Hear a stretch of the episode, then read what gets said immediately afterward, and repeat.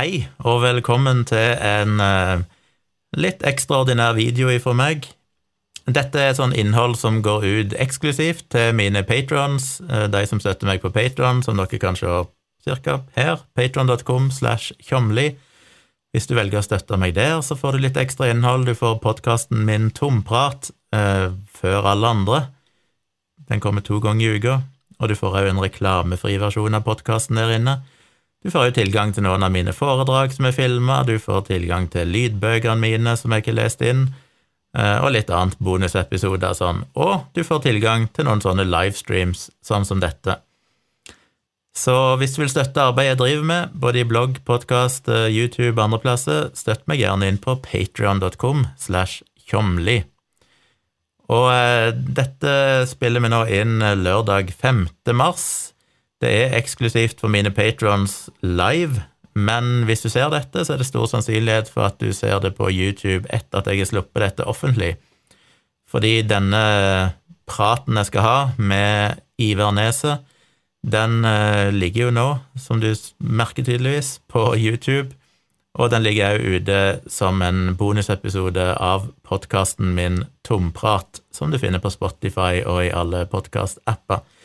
Så hvis du har lyst til å bare rusle en tur og høre denne praten eh, bare som ren lyd, så kan du sjekke ut podkasten min. Så hvorfor sitter vi her i dag? Vel, litt grann backstory. Jeg skal veldig snart eh, hente inn min gjest, eh, som er da filmskaper eller regissør i Neset. Tilbake i fjor sommer, var det vel, så fikk jeg jo en forespørsel om å være deltakende i en dokumentar som skulle ta for seg litt av debatten rundt uh, covid-pandemien. Og det takka jeg ja til. Jeg ble intervjua i fjor sommer, og i uh, begynnelsen av desember, tror jeg, så var dokumentaren ferdig, ble sluppet ut. Jeg kikka gjennom den, var ikke helt fornøyd med det jeg så, og så lagde jeg en kritisk video som ligger på YouTube-kanalen min, som heter Altså, kanalen heter Tvilsomt med Tjomli. Videoen heter vel Politisk autoimmun en kritisk analyse. Fordi dokumentarfilmen til Ivar Neset heter Politisk autoimmun, og endte vel opp med å bli noe litt annet enn det jeg opprinnelig hadde trodd at han skulle bli. En litt annen dokumentar enn det jeg trodde jeg egentlig skulle være intervjuobjekt i.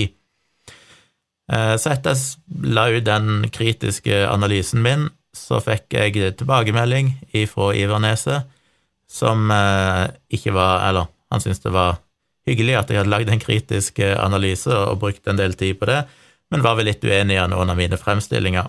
Så vi blei over tid, og det har tatt litt tid, mest av at jeg har vært treig og vært opptatt og sånn, men nå har vi endelig klart å få dette gjort. Så ville han gi litt feedback om enten at jeg bare videreformidler hans kritikk, eller at vi heller satte oss ned og tok en prat om det. Og det er det vi har tenkt å gjøre i dag. Prate dere litt gjennom dokumentaren, eh, mine innvendinger, hans innvendinger, og så får vi se om vi blir litt eh, klokere alle sammen etter denne praten. Så da tror jeg jeg skal hente inn gjest, som er altså Ivar Nese, hvis vi finner han. Skal vi se. Der er han. Hei. Hallo. Eh, vi kan jo begynne bitte grann. Du kan jo gjøre det på en veldig tradisjonell, formell måte. Så kan du jo først bare si litt om hvem du egentlig er. Uh, ja, jeg heter Iver Nese. Jeg er eh, filmskaper. Uh, og tilfeldigvis også dokumentarist. Det er liksom ikke hovedinteressefeltet mitt, egentlig, men det er bare um, Det er på en måte det jeg har uh, fått mest gjennomslag med. Eh, så bakgrunnen for vårt samarbeid med den filmen her, da, eller samarbeid eh, At du var intervjuobjektet i filmen, det er at eh, jeg hadde laget en film som het Politisk autokorrekt, der jeg intervjuet Dag Sørås, som jeg var stor fan av. Da. Det var en film om ytringsrett. Um, og gjennom Dag Sørås så oppdaga jeg også deg da dere lagde den podkasten deres dialogisk, som, er, som, var veldig bra. Og så etter hvert som koronakrisa kom, så um, ble jeg litt sånn overrasket over at det var en debatt der som jeg syns var litt fraværende. Uh, og der den var å finne, var ofte på de mer litt sånn konspiratoriske Jeg skal ikke jeg vil, jeg vil ikke jeg, vil ikke prøve å få det fram at jeg prøver å sverte noen nå, men altså de stedene som var på en måte litt sånn svartmalt, da eh, med rette eller urette, det er litt vanskelig å, å si generelt. Um, så jeg ville egentlig lage en film som prøvde å ta disse synspunktene på alvor, samtidig som jeg på en måte henta inn fagpersoner og motstemmer for å høre hva de hadde å si om, om denne debatten, egentlig. Og siden jeg hadde fulgt deg en stund, så sjekka jeg ut hva du hadde sagt om dette temaet, og jeg syns jo, selv om, selv om du jo var enig med myndighetene om koronahåndteringen i store deler Jeg vet at du har noen eh, hangups når det gjelder f.eks. smittesporing-appen og uh, vaksinepass og sånn. Men du var, du var hovedfokuset ditt virket som det var å på en måte tilbakevise en del av en del av ideene som kom fra motstemmene, da. De som var uenige med, med myndighetene i sin håndtering av koronakrisa. Og, og jeg bet meg også merke i at du tok ofte opp poenger som jeg hadde hørt, som jeg ikke hadde sett noen andre være villige til å ta opp i de mer etablerte mediene. Uh, for eksempel Um, ja, f.eks. Reiner Fulmich, da, for, bare for, for, å ta han, han advokaten i Tyskland. Jeg, hadde, jeg, jeg så ingen uh, Utenom faktisk.no etter hvert, så så jeg ingen uh, som faktisk nevnte han i norske medier. Uh, eneste unntaket var som sagt faktisk faktisk.no etter hvert, og så da deg. Uh, det var vel da du tok tak i den derre Susanne Hart-greia. Uh, ja, så, så, uansett, jeg var opptatt av å bare få fram Siden jeg syns du kom med ganske god kritikk av en del av de påstandene der, så vil jeg bare ha deg med i filmen, da. Um, pass på at vi ikke avsporer av for mye her. Men, men, du sa jo yeah. i Bare for å gå litt tilbake igjen Som jeg sa innledningsvis i min kritiske analyse, så følte vel jeg at og det, det, kan jo være 100% min feil, kanskje jeg bare mistolka deg eller hadde andre forventninger, men jeg følte jeg, oppfatta jo i måten du formulerte mailen til meg på, der du inviterte meg til å være med i dokumentaren, så oppfatta det jo litt mer som at ok, dette skulle være en dokumentar som var mer kritisk til nettopp en del av de kons mer konspiratoriske ideene og vaksinemotstand og sånn, og at du mm. syntes jeg var en interessant stemme, hadde gode argumenter, derfor ville du ha meg med. Så det var, var vel det som gjorde at jeg da følte meg litt sånn snytt på et vis når jeg følte at dokumentaren i stor grad heller talte saken til den andre sida, de som jeg er uenig med. Eh, men ja, du skrev jo i, mail, i, mailen til meg så skrev du at mitt intervju var vel kanskje det første du gjorde, og mm, så mm, ja, endra ting seg en del underveis i prosessen, og derfor så ble det ikke så mye av meg, for du intervjua meg jo relativt lenge, og det er helt fair. Jeg vet jo at når du blir intervjua, så er det ikke plass til så mye, men du sa vel noe om at det blir mindre enn du hadde kanskje forventa, nettopp fordi at dokumentaren endra retning. Så jeg er litt nysgjerrig på, når du sier han endra retning, det budskapet, si, du endte opp med i den ferdige dokumentaren, var det det du egentlig opprinnelig ønska? Eller endra faktisk temaet seg litt underveis i prosessen, at du valgte en litt annen vinkling på hele dokumentaren? Eh, det er ikke nødvendigvis så binært, fordi en film er alltid i konstant utvikling. Men det jeg kan si, er at eh, jeg var opptatt av å på en måte få fram hva er det seriøse poenget her, om, om det er et seriøst poeng i denne motstanden. Um, og, og, da følgelig også finne ut hva er motargumentene. Men jeg gikk jo inn med ganske åpent sinn, fordi jeg visste jo ikke så mye om saken. Spesielt ikke da jeg intervjua deg. Så jeg ville ikke på en måte fastslå hva er det filmen kommer til å handle om, hva er budskapet. Jeg ville på en måte bare lære av intervjuobjektene mens jeg gjorde researchen. Så, så det, jeg, jeg syns jo det er kjempesynd å høre at du, at du, føler deg litt snytt. Det er jo ikke gøy å høre i det hele tatt. Men det var ikke min intensjon å på en måte lure deg inn i dette her, da. Jeg ble også litt overraska over at du reagerte sånn på filmen, fordi jeg følte at um, At i det er en forskjell på liksom, de som slenger ut urimelige påstander som ikke kan dokumenteres, og de som kommer med en uh, reell kritikk. Da. Uh, men det kan vi jo komme litt inn på senere. Så, så, ja. så igjen uh, det, det, det, jeg skjønner, jeg skjønner at det kan være litt vanskelig å ha forventninger til en dokumentar du er med i. Ikke være på en litt sånn need to know basis produksjonsmessig, og så kommer den ut, og så er det noe annet enn det du hadde i hodet ditt. Det, det forstår jeg at kan være, kan være irriterende. Jeg må eh, ta på meg noen litt mindre intellektuelle briller her for å klare å se skjermen skikkelig. Men jeg tenkte jeg skulle ta for meg litt av eh, mailen du sendte, for der har du lista opp eh, det, er kanskje flere ting i ettertid, så det kan vi jo ta etter hvert, men de tingene du opprinnelig reagerte på, som jeg sa, og jeg må jo bare si til alle som ser på dette, at jeg kommer til å legge link til både Politisk autoimmun, altså den opprinnelige dokumentaren, og min kritiske analyse i beskrivelsen under her, så jeg vil oppfordre dere til å se begge. Eh, helst da Ivar Neset sin dokumentar først, så dere ikke skjønner konteksten, og så min kritiske analyse etterpå. Og så kan du jo vurdere denne samtalen i kontekst av det. Du skriver jo eh, en seks punkter, vel egentlig seks-sju punkter. Det, det, er en litt lang mail, så, ja. så, jeg kan godt egentlig kondensere det litt. Da, du, fordi, jeg, fordi, jeg, har på en måte tenkt litt over det og klart å kondensere det til egentlig to hovedpoenger. Så ja. bare, Men du kan gjerne bare lese opp fra mailen. Altså. Ja, jeg tenkte bare egentlig ta de punktene. Du skriver at uh, Sitat. Du mener den insinuerer Altså dokumentaren, da. Du mener den insinuerer at koronaviruset ikke er farlig generelt, når poenget bare har vært å få fram nyansen i statistikken. Den store risikoforskjellen mellom aldersgrupper, helsestatusen til de som dør av eller med viruset, mangelen på årsakssammenheng i en del av dødstallene. Dette er viktig å få fram, siden mange er mer skremt av viruset enn de muligens trenger å være, og jeg opplever at disse detaljene ofte overses. Sitat slutt. Det var første ja. poenget ditt, som du vel var litt innom nå innledningsvis i presentasjonen av dokumentaren din. Eh, for det er bare for å gi kontekst, og jeg kritiserer vel at du viser noen eh, prosenter på risiko, hvor mange som dør i forskjellige aldersgrupper, og jeg oppfatter det som både den informasjonen du gir, og måten du har klippet sammen med noen utdrag fra intervjuer, mal et bilde av at du prøver å si at dette har vært overdramatisert, dette var egentlig ikke så farlig. Og som du skriver i mailen, så føler du at det har blitt underkommunisert i den offentlige debatten. Ja. Det er korrekt. Ja, men det betyr jo ikke at korona ikke er farlig for uh, folk generelt, og det kommer jo fram i filmen. Og du ser jo på prosentene på folk over en viss alder at det er ganske høyt. Det er over 1 noen ganger. Noen ganger så høyt så 4 og det sier jeg jo. Så Men hva er hensikten altså, med å ta med, ta med det segmentet? Liksom, hva, hva ønsker du seeren skal sitte igjen med?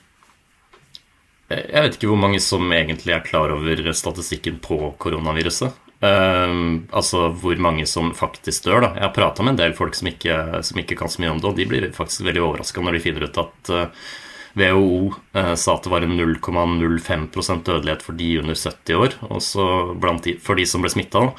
Og FHI sa nå i Ballparken at det var 0,002 Ikke legg på en ekstra null nå. 0,002% for folk under 39 år. Mm. Og igjen, det setter ting litt i perspektiv, da. Eh, det er jo Jeg, er ikke nødvendigvis noen støttespiller av Great Barrington, fordi, jeg, ikke, fordi jeg, jeg, ser jo at kritikken om at er, jeg skjønner at det er logistisk vanskelig å få til ting. Uh, så, så, jeg forstår at, uh, at, det er en debatt der, men det er allikevel et poeng at man må se litt på aldersgrupper, da. Og hvem som faktisk er i risikosonen. Og det føler jeg Kanskje ikke alle tenker over, men det kan godt tenkes at de gjør det. Eh, men jeg syns det var et interessant poeng. Ja, jeg, jeg, føler jo at det blir en overforenkling som egentlig etter mitt syn da ender opp med egentlig forvirre mer enn det det egentlig opplyser. Fordi det er jo to aspekter ved det. Det ene er jo at Eller tre, egentlig. Det ene er jo at ja, dødeligheten for unge er, er lav. Og det vil jeg òg kommunisert mange ganger, at generelt sett så er jo korona, eller covid-19 ufarlig i veldig stor grad for de aller fleste under 70, iallfall under 65. Mm. Men det som er vårt dilemma i pandemien, er jo det at det er veldig farlig for noen få. Ja. Og de som er under 75 og er i risikogruppe, så er det veldig høy dødelighet. Og da savner jo ofte en litt sånn drøfting rundt det, da. For det er jo det, for hele dokumentaren handler jo overordna om smitteverntiltak. Er de nødvendige? Har de vært for sterke og sånn? Men det er jo et veldig vanskelig spørsmål, for det er sånn, ok, men hvis du bare ser på gjennomsnittet, 0,002, så er jo det hele befolkningen. Men hadde du tatt de gruppene som er mest utsatt, så er jo prosenten mye høyere. Og da er det spørsmålet hvor solidariske skal vi være? Skal vi si at det... ja, ja, men de får bare dø, da, fordi at vi andre vil iallfall ha frihet? Eller skal vi si at vi må kanskje akseptere det noen vil oppfatte som urimelige tiltak, i solidaritet med den, de blant dere, som jo er en, gans, en, ja, en, en viss prosentandel som faktisk Jo, men må sitte låst inne hvis ikke vi gjør det. Eh, Det det er fint at du nevner det der med risikogruppe, eller folk som er under den alderen som også er i risikogruppen. De fins jo også. Det er jo viktig å understreke. Eh, Men, men samtidig, det er jo det som er hele poenget med focused protection. da, Å gå inn på den debatten. at det, handler, det, er, det er jo ikke et spørsmål om skal vi stenge ned samfunnet for alle sammen, eller skal vi åpne det opp for alle sammen. Det er jo, det er jo nyanser der da, som, som også egentlig har vært eh, litt sånn underkommunisert i, i debatten.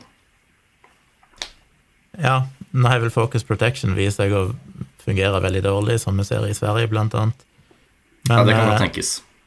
Men, eh, Men, det er jo men, det, men poenget er at Poenget er at du, du, du kom du kan, det, er, det er ikke sånn at, at man foreslår at ingen skal få beskyttelse for viruset. Det, handl- altså det har jo ikke vært utgangspunktet. på en måte Det kan godt tenkes at den metoden som jeg var inne på i stad, ikke fungerer. Eh, Det har jeg full forståelse for.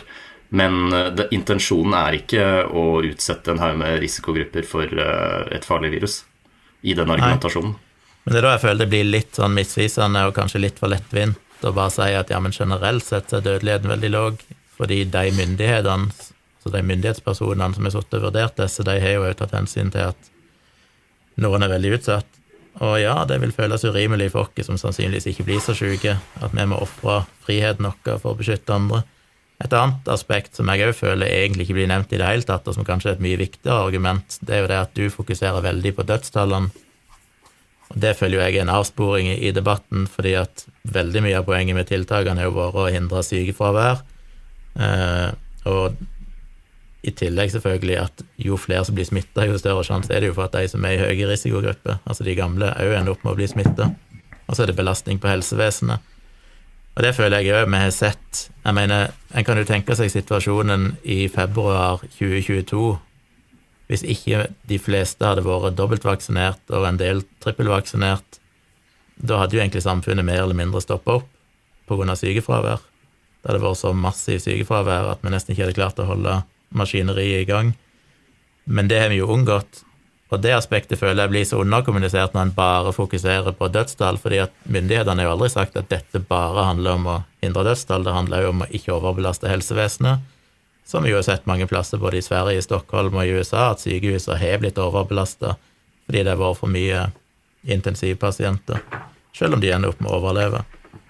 Og det føler jeg er bare sånn Det blir en sånn overforenkling da å bare si at nei, men det er bare 0,002% som dør, uten å si at ja, men det er flere aspekter òg her som gjør at vi ønsker disse tiltakene, blant annet sykefravær.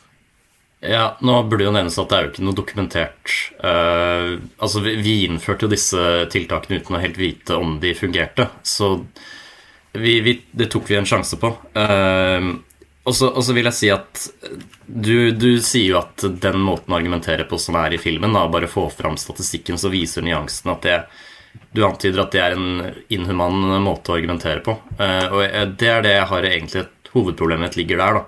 Uh, fordi du karakteriserer den argumentasjonen som at uh, folk mener at man skal bare At, at det ikke er noe At det ikke er noe mellomvei mellom å stenge det samfunnet, som jo er en forferdelig ting å gjøre, kanskje nødvendig, men uten tvil en forferdelig ting å gjøre, og åpne opp samfunnet og prøve å opprettholde status quo. Eh, kom, komme hva som vil liksom av eh, virusproblematikk. Eh, og jeg tror ikke det er noen som Altså det er kanskje noen, på samme måte som at det er noen som mener at vi burde stenge ned helt. Men jeg tror de aller fleste mener at det fins et sted imellom der. Um, og enda flere, tror jeg, eller Jeg observerer i hvert fall at det er veldig mange flere som er opptatt av at de tiltakene vi innfører, de må faktisk ha en dokumentert effekt. Uh, fordi hvis ikke, så Ja, da blir det mye synsing. Og da er det ikke bare den ene siden på ikonspillene som driver med pseudovitenskap. Men blir ikke det litt, eh, litt sånn for enkel etterpåklokskap? For hva tenker du i en fase der vi har ny pandemi, og ingen helt vet dødeligheten, ingen helt vet smittsomheten? Bør en ikke da i så fall safe? Si ifra. Sa- Safe, altså Å Å ja, safe, ja. Um, det Nei, men det er ikke å safe og stenge ned samfunnet, tenker jeg. Fordi du ofrer så enormt mye. Uh, og, og, kalle, og, si at det er å safe, det tror jeg det, det, det blir altfor uh, da, da er du for ensrettet på ett problem, på en måte. Um, men det er jo ikke den eneste nyansen, dette her med, med, døds, uh, med dødsrate per basert på den statistikken vi har. For jeg problematiserer jo også hvordan den dødsstatistikken føres. da. At den har blitt ført hva er det man sier, over en lav sko. spesielt i USA og Storbritannia, som er de landene jeg trekker fram at det må vi også prate om, da. Hvor uh, gode er disse tallene? Og da syns jeg også det er litt sånn snodig at du trekker fram eh, denne Vaers-dataen i videoen din. Fordi da bruker du jo nøyaktig Altså, du, du, sier ikke det direkte, men det at du trekker det fram, virker som du tillegger meg den eh, meningen at jeg mener at denne høye statistikken i Vaers Vaers er vaksineregisteret til USA, bare så det er sagt. Ja, eh, for eh, ja, ok, rapporterte bivirkninger, selvrapporterte. Der er det så klart ikke noe eh, årsakssammenheng, og det gjør jo dataen tvilsom. Og det er på en måte Det, det er jeg jo enig og det er derfor det er problematisk å ta koronatallene også helt for god fisk, fordi det er en del som er blitt ført opp som koronarelaterte dødsfall, der det, ikke, der det åpenbart ikke er noe direkte sammenheng. Da. Ja, det, det, påstås jo, og jeg tviler ikke på at det selvfølgelig har skjedd i noen tilfeller, men, men tror du Altså, de analysene jeg ikke har lest, sier jo at selv om det skulle være tilfellet, så er vel heller problemene motsatte, da, at det har vært en massiv underrapportering, blant annet fordi de første mm, ukene og kanskje månedene av pandemien så var det altfor lite testing. Fryktelig mange som døde som aldri ble oppført som covid-dødsfall fordi de hadde rett og slett ikke testa til å verifisere det. Eh, så ja, selv om en og annen eh, tilfelle kan ha blitt ført opp feil, så er jeg ennå til gode å se dokumentasjon på at det har økt tallene. Og tvert imot, hvis en da, og det savner jeg òg en, en, drøfting om, og det nevner jeg i videoen min, det viktigste tallet å se på er jo overdødelighet. Fordi når du mm. teller hvor mange flere som dør sammenlignet med tilsvarende periode tidligere fem år, f.eks., så ser en jo at det har vært en enorm overdødelighet og til og med overdødeligheten ligger jo over de offisielle covid-dødsfallene, som tyder på at det har vært en underrapportering av covid-dødsfall. Hvilken periode er det du snakker om uh, nå? Hvilken periode i pandemien er det du prater om? Fordi nå snakker jeg om hei, altså Når jeg snakker om det med underrapportering, så gjelder nok det primært den første, iallfall i første uken, den første bølgen, kanskje. Ja, men når det men gjelder dødstall totalt sett, så er det jo, hvis du ser på Altså Nå ligger de oppe i de siste jeg så, og det var jo når jeg, når jeg eh, lagde den videoen min i desember. Da var det vel estimert rundt 17 millioner globale dødsfall, mens de offisielle tallene ligger på 4-5 eller et eller annet sånt. Men når du ser på overdødeligheten, altså hvor mange som faktisk er døyd, flere enn det som er normalt, så ligger jo det tre ganger høyere.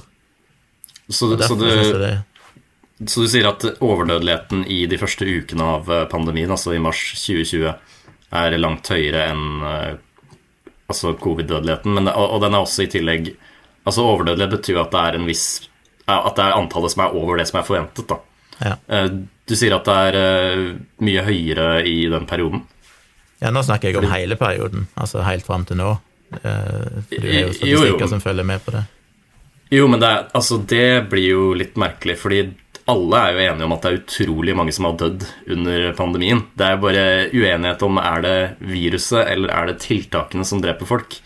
Og... Nei, men Det er jo egentlig ikke uenighet om det. For det er jo en sånn spekulasjon. De sier at ja, tiltakene dreper òg, men det har jo vært gjort så mange analyser på det der en ikke finner noen sammenheng med at eh, tiltakene skulle ha drept noen. Spesielt fordi at i land som Norge og andre, der har vi jo faktisk hatt en underdødelighet. Så hvis tiltakene drepte, hvorfor i all verden døde færre folk når eh, samfunnet lokker ned? Og Det ser ja, vi i flere har... av de landene som har hatt lav dødelighet og strenge tiltak. Ja, men vi har jo en mye bedre infrastruktur i Norge til å takle sånne tiltak, og i tillegg har ikke tiltakene våre vært spesielt uh, inngripende i forhold til andre land som ikke har den infrastrukturen på plass. Så ja, altså, det kan godt tenkes at vi ikke har fått dokumentert uh, dødstall knytta til tiltakene ennå, men jeg tror den regninga vil komme ganske snart. Fordi det er helt åpenbart at Dette går jeg mye inn på i filmen, men Altså når du stenger ned det sosiale, og du, steng, og du hemmer skolehverdagen til barn, og du skaper en enda verre hverdag for de fattige i samfunnet, det er klart at det vil ha en effekt på dødeligheten. Og jeg sier ikke at det, det har vært hovedproblemet under pandemien i forhold til dødsfall. Eh, viruset har helt klart bidratt til det. Men det der med overdødelighet, det, er, eh, det blir spekulasjoner begge veier. da. Fordi vi har ikke Måten vi har telt opp eh, koronarelaterte dødstall gjør oss ikke så mange tjenester i å kartlegge hvor mange som faktisk har dødd av viruset i, i realiteten. Og samtidig har vi disse tiltakene som er svært kontroversielle og sannsynligvis e, ekstremt skadelige. Som kan også ha vært med på å forklare den overdødeligheten.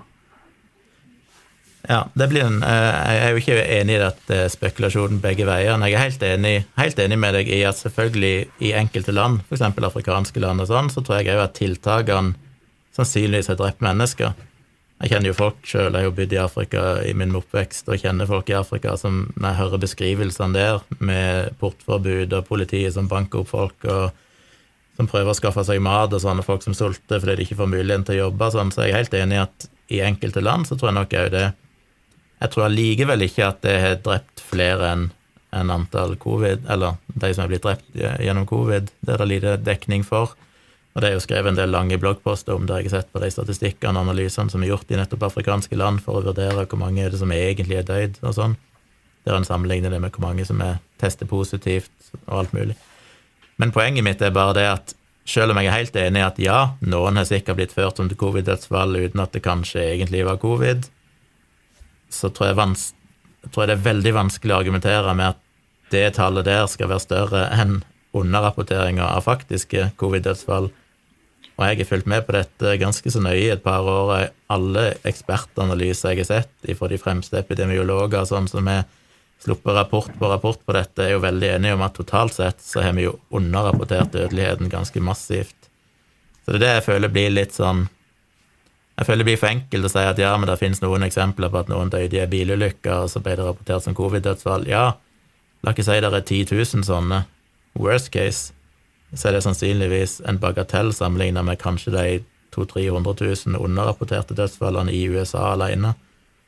Så jeg skjønner ikke helt For meg fremstår det litt som at du ønsker å lage et poeng av noe som, der, som strider imot de beste dataene vi har, og som i beste fall blir en spekulasjon. Og da lurer jeg litt på hvorfor det blir et viktig poeng i dokumentaren.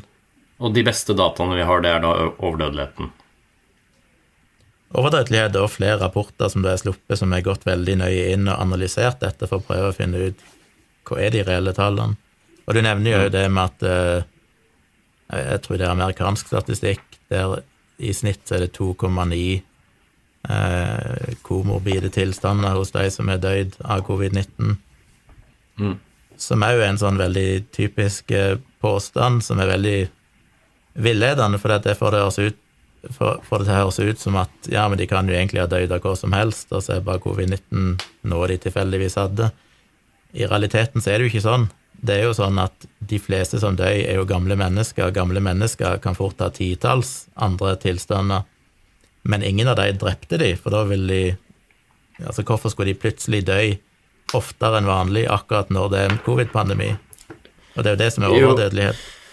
Eh, men Gunnar, altså, vi, når vi vet at andre dødsårsaker blir ført opp som koronarelaterte dødsfall, eh, så kan man anta at ikke alle, men en god del av de rapporterte eh, dødsfallene med én eller to ekstra komorbiditeter, at det kanskje kan ha vært de som drepte dem. Men det vet vi jo ikke. Og det er jo nettopp det som er problemet, at det er uklar statistikk. Eh, poenget mitt med å hente fram det der, er igjen Det handler om å kunne anse sin egen risiko og liksom ta forhåndsregler, følgelig, da. Eller eh, justere fryktnivået kanskje litt, da. Hvis du er under 70 år og du ikke har noen komorbiditeter, eller noen morbiditeter, da, eller noen underliggende sykdommer, som vi ofte sier, da, så har du ikke den samme grunnen til å være redd som hvis du har det, da.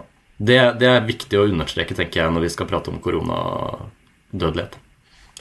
Det er sant, det, men jeg viser jo i videoen min statistikk fra norske sykehus som viser den enorme over eh, Altså hvor mange flere som lå på intensiven i desember i år av uvaksinerte som alle var friske og ikke hadde noen underliggende sykdommer. Og allikevel så var det jo tallet, jeg husker ikke hvor mye høyere det var, men mange, mange, mange ganger høyere blant de uvaksinerte enn de vaksinerte. Så det med underliggende sykdommer sykdom er jo et overkommunisert problem i stor grad.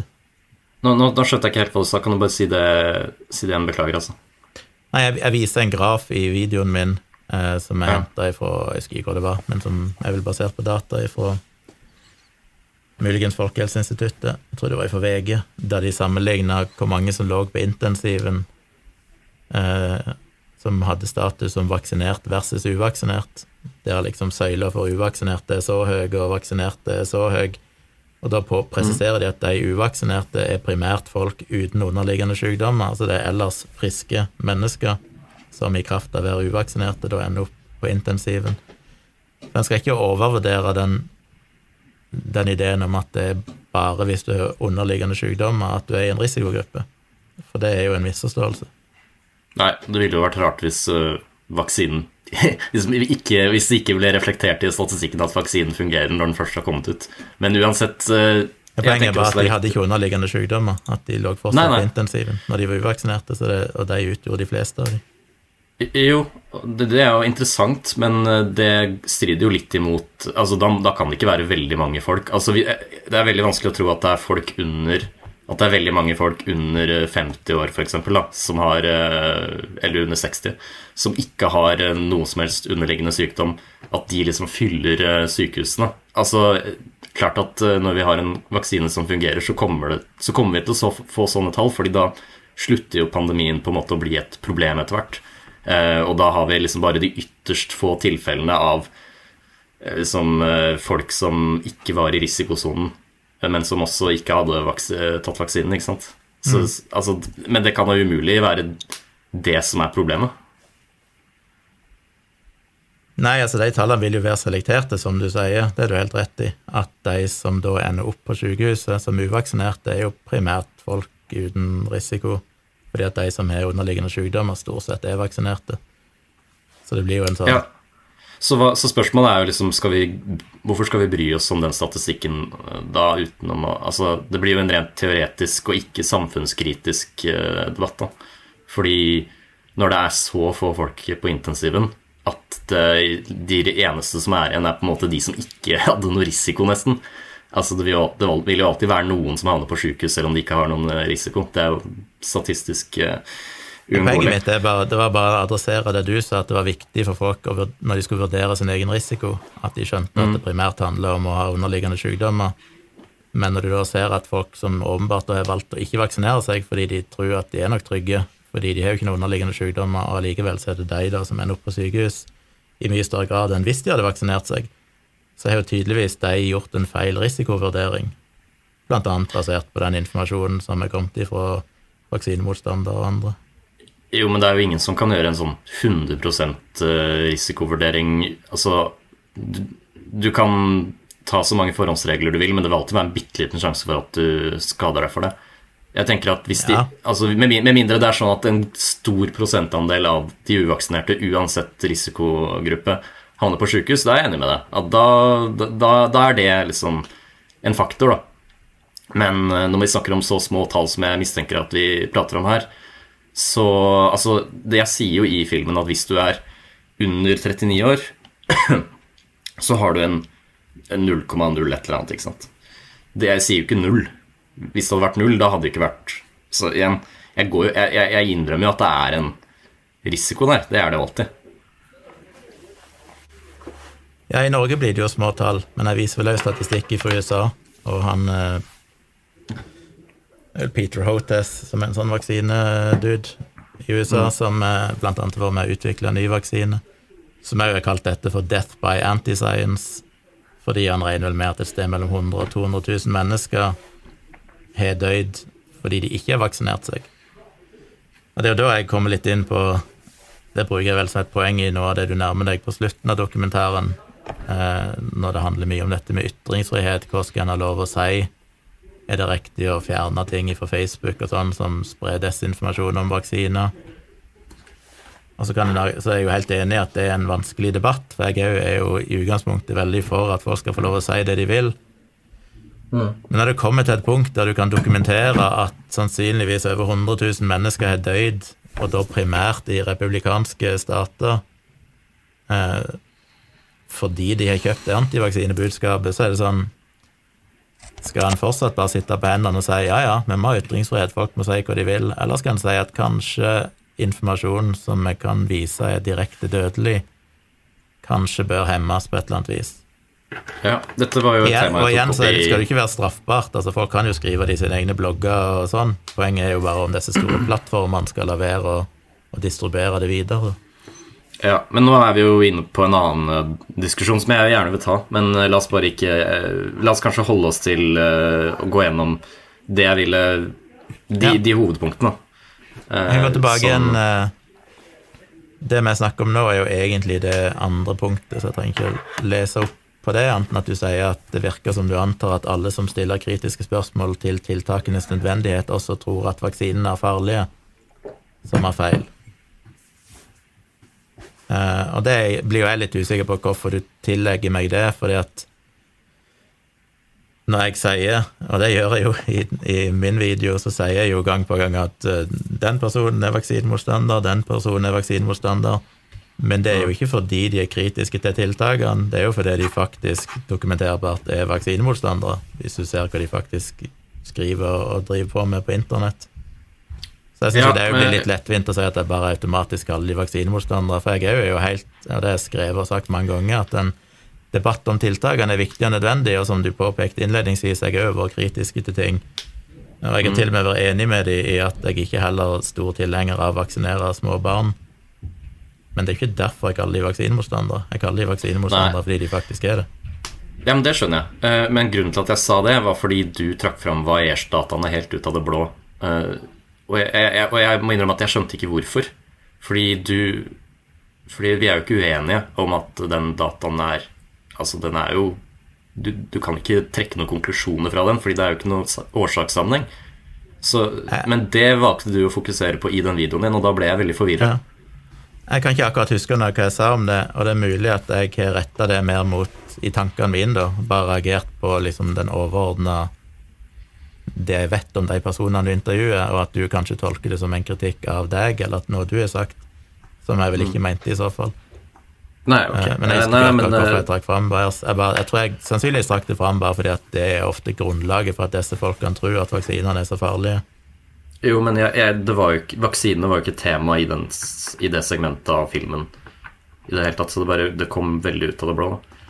Uh, Det er mulig at det var Ja. malplassert, jeg husker ikke uh, akkurat hva jeg sa. Kanskje jeg ble for overivrig med å formidle informasjon som jeg følte var viktig, selv om det kanskje ikke nødvendigvis var korrekt å relatere det til dokumentaren. nei. Du skriver videre at uh, du har et problem med Barbro Paulsens tilstedeværelse i filmen, men går overhodet ikke løs på de faktiske uttalelsene hun kommer med. Og da sjekka jeg i stad hva hun egentlig sier, og hvis jeg fikk med meg alt, så tror jeg egentlig hun bare har to utspill, og det ene er at eh, går jo på dette med at media dekker de her vaksine, eh, de her lockdown-protestene som at de var liksom høyrevridde fordi det var deltakere ifra Det var Lysglimt, og det var Sian og andre der. Så sier hun at når hun tidligere har sett eh, andre miljøer bli omtalt som høyrevridd, så skjønner hun nå at det ikke nødvendigvis er sant og sånn, og nå stiller hun spørsmål til alt hun leser. Og det andre hun sier seinere, er vel at det er sjokkerende at disse tiltakene eller er motstander av de tiltakene, for å mene at det har lamma tilværelsen for barn og ødelagt ungdomstida deres og sånn. Uh, ja, så det er vel det hun sier, og du sier at jeg ikke går løs på de faktiske uttalelsene. Men det er der jeg tror vi muligens er uenige, eller iallfall du misforstår meg. Fordi poenget mitt er jo at de tre personene du trekker fram, som er hun Benito eh, Paulsen og Anne Lene Gjermundsen Jeg er vel kritisk til at du bruker de som kilder i en dokumentar, gitt det de faktisk står for på nettet. Og det er mulig at du vil si at ja, men du, de snakker ikke om vaksiner i dokumentaren, derfor er det urimelig å kritisere de for det. Mens jeg vil si, hvis du intervjuer en, eh, en nynazist som sitter og snakker om eh, hvor koselig det er med et eller annet, og bare sier at se, dette er jo en hyggelig person, uten å nevne at denne personen òg er aktiv nynazist på nettet, så føler jeg at du villeder seeren litt. Og dette er jo folk som gjentatte ganger på nettet hevder at vaksiner dreper flere enn det de hjelper, at uh, dette er et overgrep mot menneskeheten, det er rett, rettssaker på gang. Masse greier som det jo ikke holder i. Påstår at Ivermektin burde vært promotert fremfor vaksiner og sånne ting. Og sånn, Men bør ikke det nevnes i dokumentaren? Jo, jo men det, du må jo se hvor urimelig det er å sammenligne det med å være nynazist. Så det er det første poenget. Men det er jo ikke en sammenligning altså, med å være nynazist, om misforstår du. Jeg bare sier at det er en sammenligning med at du har noen som har ekstreme holdninger som er relevante for saken, men det blir aldri nevnt, fordi så lenge de bare sier noe helt annet i intervjuet, så skal du liksom ikke snakke om hva de egentlig står for. Jeg sammenligner nei, nei. ikke disse personene med nynazister. Jeg, jeg, skal gi deg et poeng i at det er, det er, viktig å Altså, det er kritikkverdig noen ganger å ha med visse intervjuobjekter. Um, og jeg syns ikke det er et urimelig poeng å komme. Uh, jeg, jeg, vet ikke, Nå er jeg ikke helt sikker på om du har rett i at alle de tre er vaksinemotstandere sånn de facto. Klart de er uh, kritiske til den uh, vaksinen som brukes nå mot korona. Men det tenker jeg at det er, eh, det er, det er reelle spørsmål der òg. Jeg har ikke satt meg inn i alle poengene deres, så jeg skal ikke kommentere det. Men det betyr ikke at man er vaksinemotstander på generelt grunnlag. Og er, altså jeg vet i hvert fall at Julia ikke er det. Hun har prata varmt om vaksiner tidligere. og meslingevaksinen blant annet. Uh, bare, sånn, bare, for å illustrere at hun er jo ikke det. Uh, og jeg, jeg, spurte Barbro Paulsen også i intervjuet hva tenker du om vaksiner generelt, og hun sa nei, jeg har vaksinert barna mine, og det er ikke det det står på. Og så kan jo Jeg skjønner at du kanskje ikke tror på dem noen ganger, jeg vet ikke. At de kanskje bruker det som et skjold for å unngå nettopp det stempelet som er, eh, som er ganske graverende. Som, men Altså, det, det, det, er på en måte det at jeg er ikke helt med på at Jeg har ikke oppfatta de tre som vaksinemotstandere sånn direkte.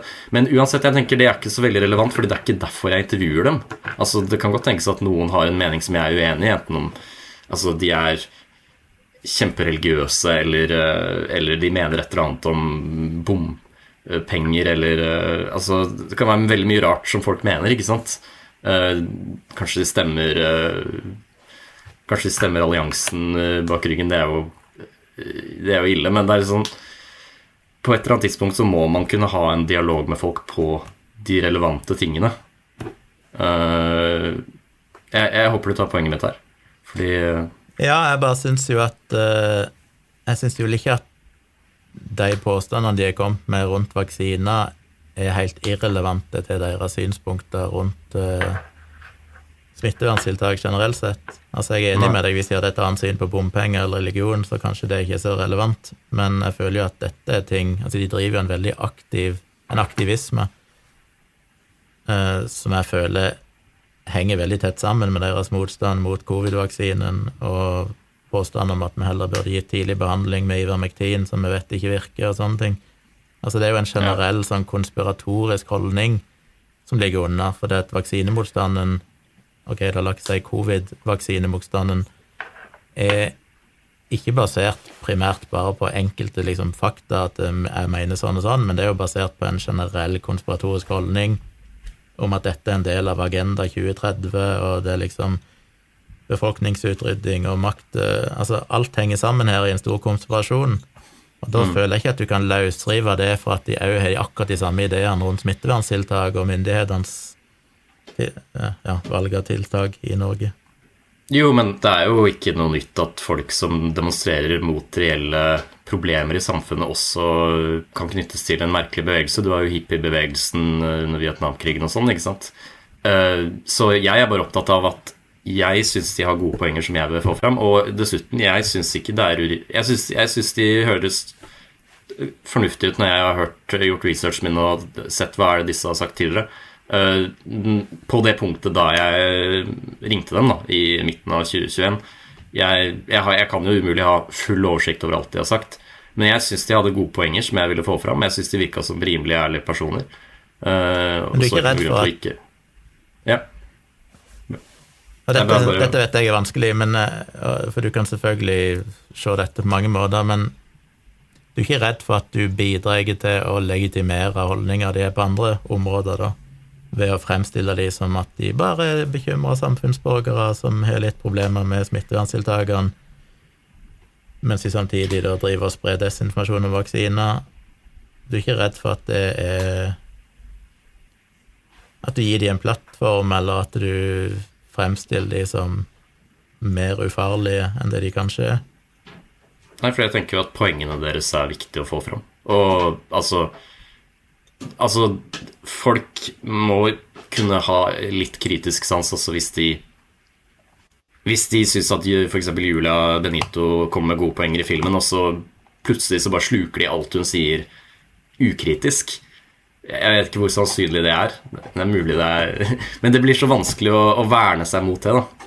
Jeg skjønner det, men jeg, jeg, tror ikke det er det jeg mener at nødvendigvis folk skal være Men jeg tenker mer det at da kan jo folk tenke eh, Det, det minner meg veldig om den Joe Rogan-Robert eh, Malone-debatten, der folk som ikke egentlig har satt seg inn i hva Robert Malone faktisk påstår om ekstreme overgrep av amerikansk regjering for å drepe befolkningen og alt mulig sånn, syns at det er urimelig at Joe Rogan får kritikk for å ha han med, for alt han har sagt, det er jo at han bare er litt kritisk mot vaksiner, og han er jo fagperson. Og det er det jeg føler litt her òg, at det blir sånn hvis du da kritiserer Barbro Paulsen eller noen, og de har sett dokumentaren din, så kan det føles som en urimelig kritikk for meg, fordi de faktisk ikke har satt seg inn i hva disse folkene egentlig mener, og hva de driver med på nettet. Og det er da jeg syns det er litt sånn Det blir sånn glansbilde du viser det i dokumentaren, som kan gjøre at folk ikke helt skjønner hvorfor folk er så irriterte på disse folkene. Fordi de sa jo ingenting galt i dokumentaren din, for eksempel. Og så er det en sånn enorm jobb å prøve å fortelle dem at ja, men hvis du faktisk setter deg inn i hva de driver med, så er det legitim kritikk de får. Jeg, jeg vet ikke, ja, det er ikke sikkert det er din feil, jeg bare blir litt frustrert over at sånne folk får lov å ytre seg når de etter mitt syn er såpass farlige for uh, jo, men det Altså, jeg har, jeg har, ikke den samme oversikt over, oversikten over eh, kanskje vaksinedebatten som du har. Uh, så for meg er det ikke nødvendigvis åpenbart at alt Eller at det de folka sier, er kategorisk feil. Um, jeg trenger ikke å være enig i det, men igjen, jeg, ikke, jeg vet jo ikke svarene. Så, så, det blir veldig vanskelig for meg å liksom problematisere det, på en måte. Fordi jeg er opptatt av å skape en debatt og prøve å finne ut hva som er sant. Jeg vet ikke fra før av hva som er sant. Så, men, men, det virker som du har et utgangspunkt om at de tar feil fordi de mener det og det og det, og det, det, det mener du fordi du kan mye om det, kanskje. Men det, det, er jo ikke alle som gjør. Folk er jo bare opptatt av å høre forskjellige synspunkter og prøve å komme fram til sin egen øh, konklusjon. Og da har vi jo den evige filosofiske debatten om er mennesker smarte nok til å kunne komme fram til sine egne konklusjoner og gjøre gode valg for seg selv. Uh, men det er litt sånn sånn Hvis du ikke tillater det, så erstatter du det med på en måte én vilje som på en måte dikterer hva det er, hvilken informasjon som skal inn, og hvilken informasjon som ikke skal inn. Og det kan jo slå utrolig feil. Da. Eh, det er jo det er en fascinerende debatt i seg selv, som jeg håper vi kommer inn på. Men det er jo en uh, annen måte å se det på, da, som jeg er litt nysgjerrig på. For jeg tror det jeg reagerer på, er jo at ok, som jeg sa i kritikken min òg, jeg syns det er en legitim debatt du har i videoen. Jeg har vært åpen for at uh, selvfølgelig er det ting vi kan diskutere rundt smitteverntiltak. Det som jeg stusser på, er vel at de tre personene du ender opp med å ha som talerør for kritikken, alle tre da har en ganske sånn grumsete understrømming av uh, påstander og antivitenskap.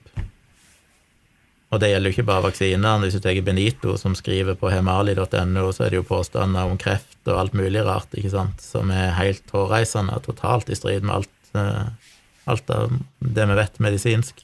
Så det er jo en sånn generell sånn antimedisinsk, antivitenskapelig Og da lurer jeg på Men hvis dette er en legitim debatt, hvor er alle de andre menneskene som faktisk ikke òg driver og lefler med liksom antivitenskap og antimedisin, som har de samme ideene som deg? Hvor var de? Hvorfor fant du ikke de? Eller kan det bety at de egentlig ikke fins i samme grad, og at derfor bør du være mer skeptisk til det er, god, det er en veldig god overgang til det tredje poenget, som er eh, at du kutter jo ut eh, Gunnveig Grødland fra filmen. Det er jo hun som kommer med alle påstandene om vaksinen i filmen for øvrig.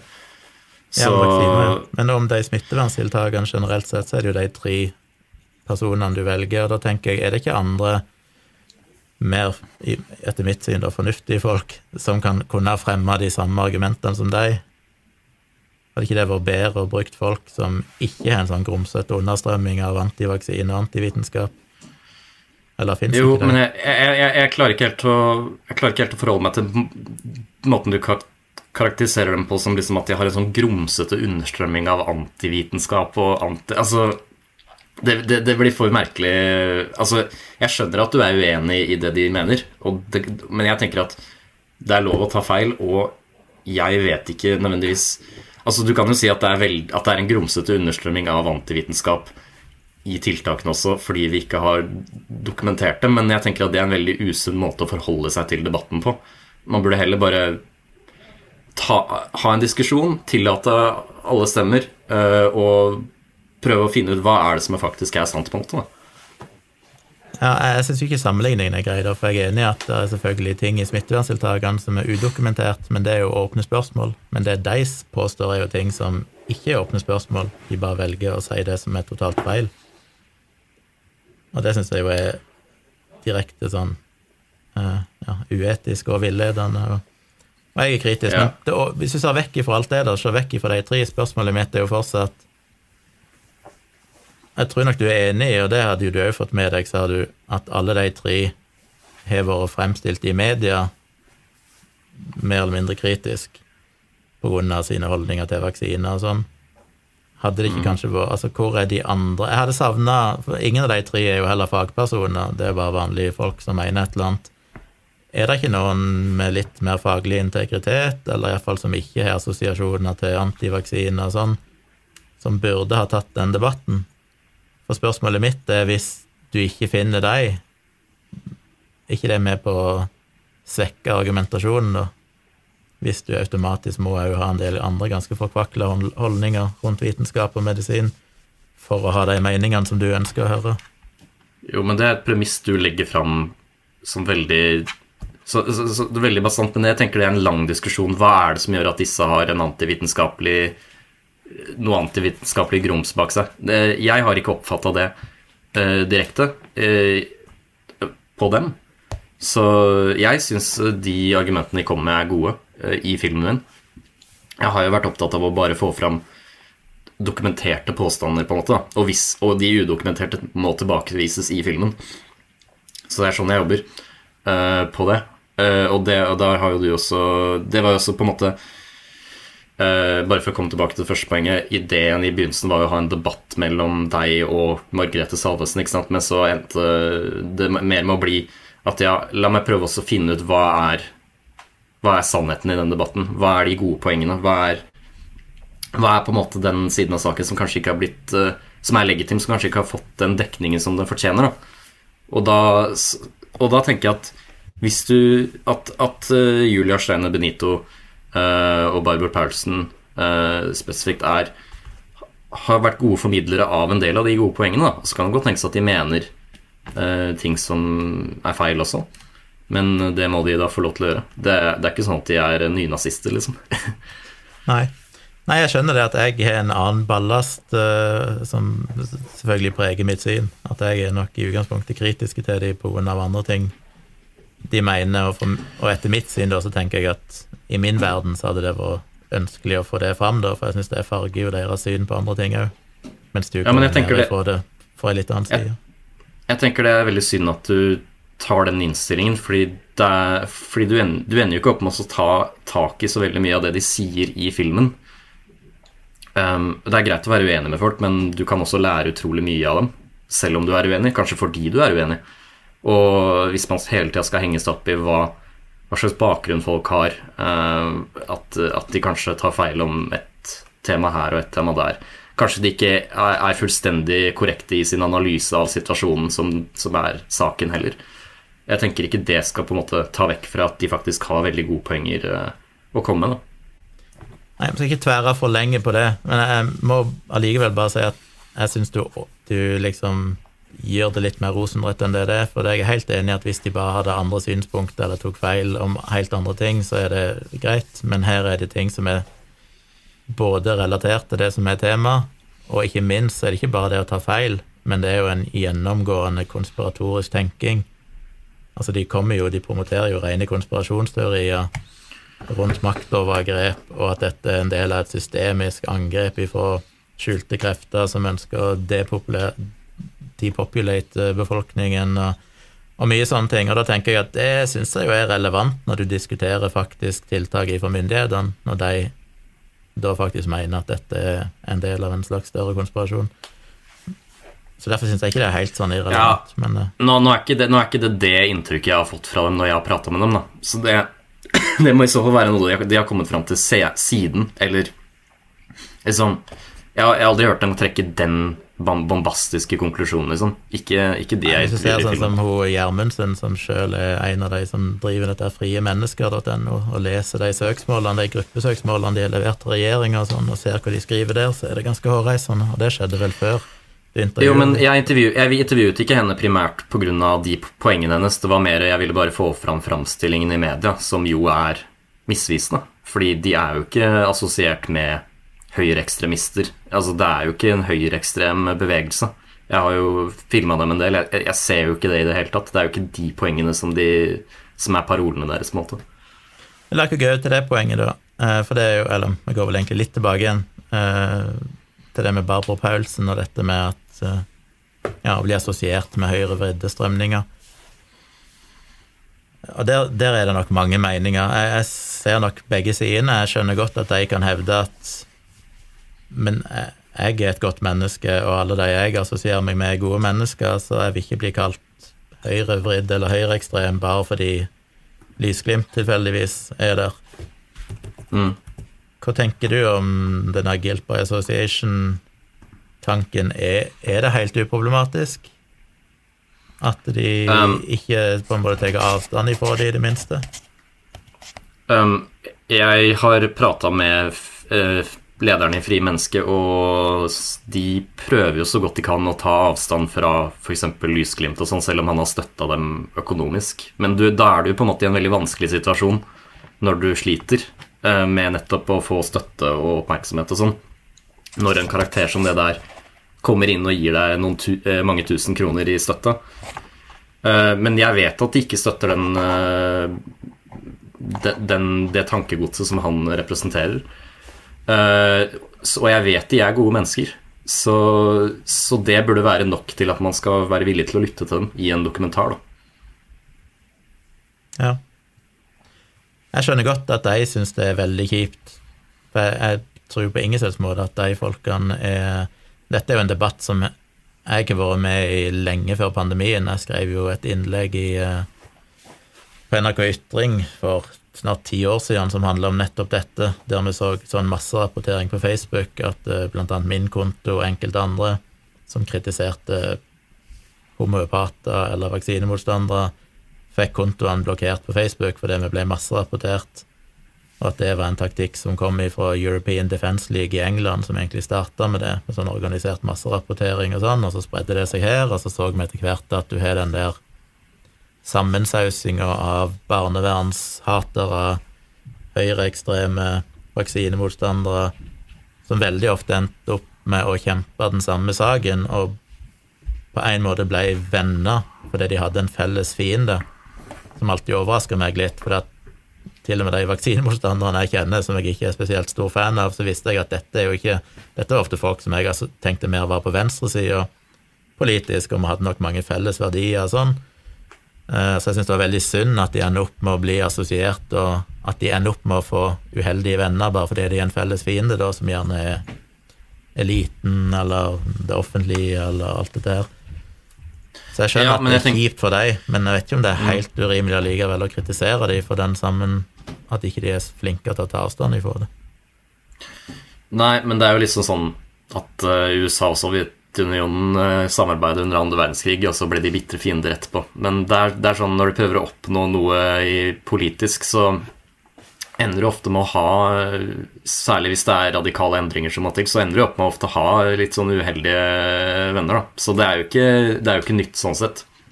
Jeg tenker at, at det er viktig at de tar avstand fra, fra høyreekstreme og nynazister og sånn.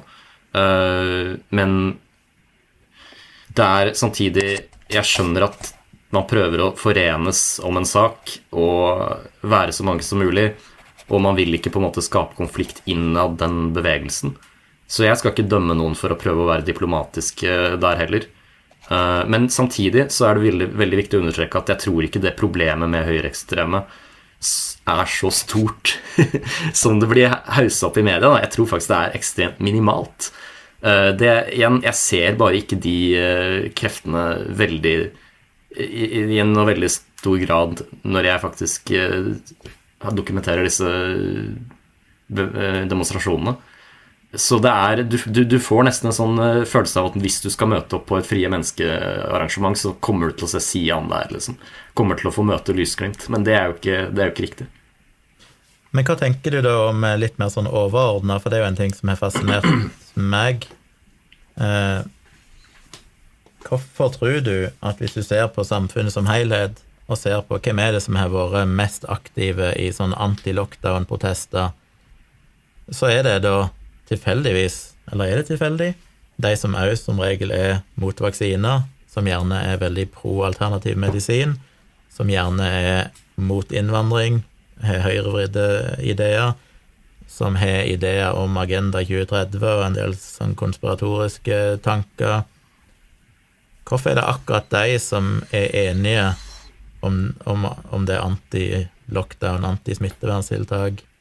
Hvorfor er det overlapp der? Jeg, jeg, tror ikke det overlappet er så stort, men jeg, du, har helt rett at det er en god del.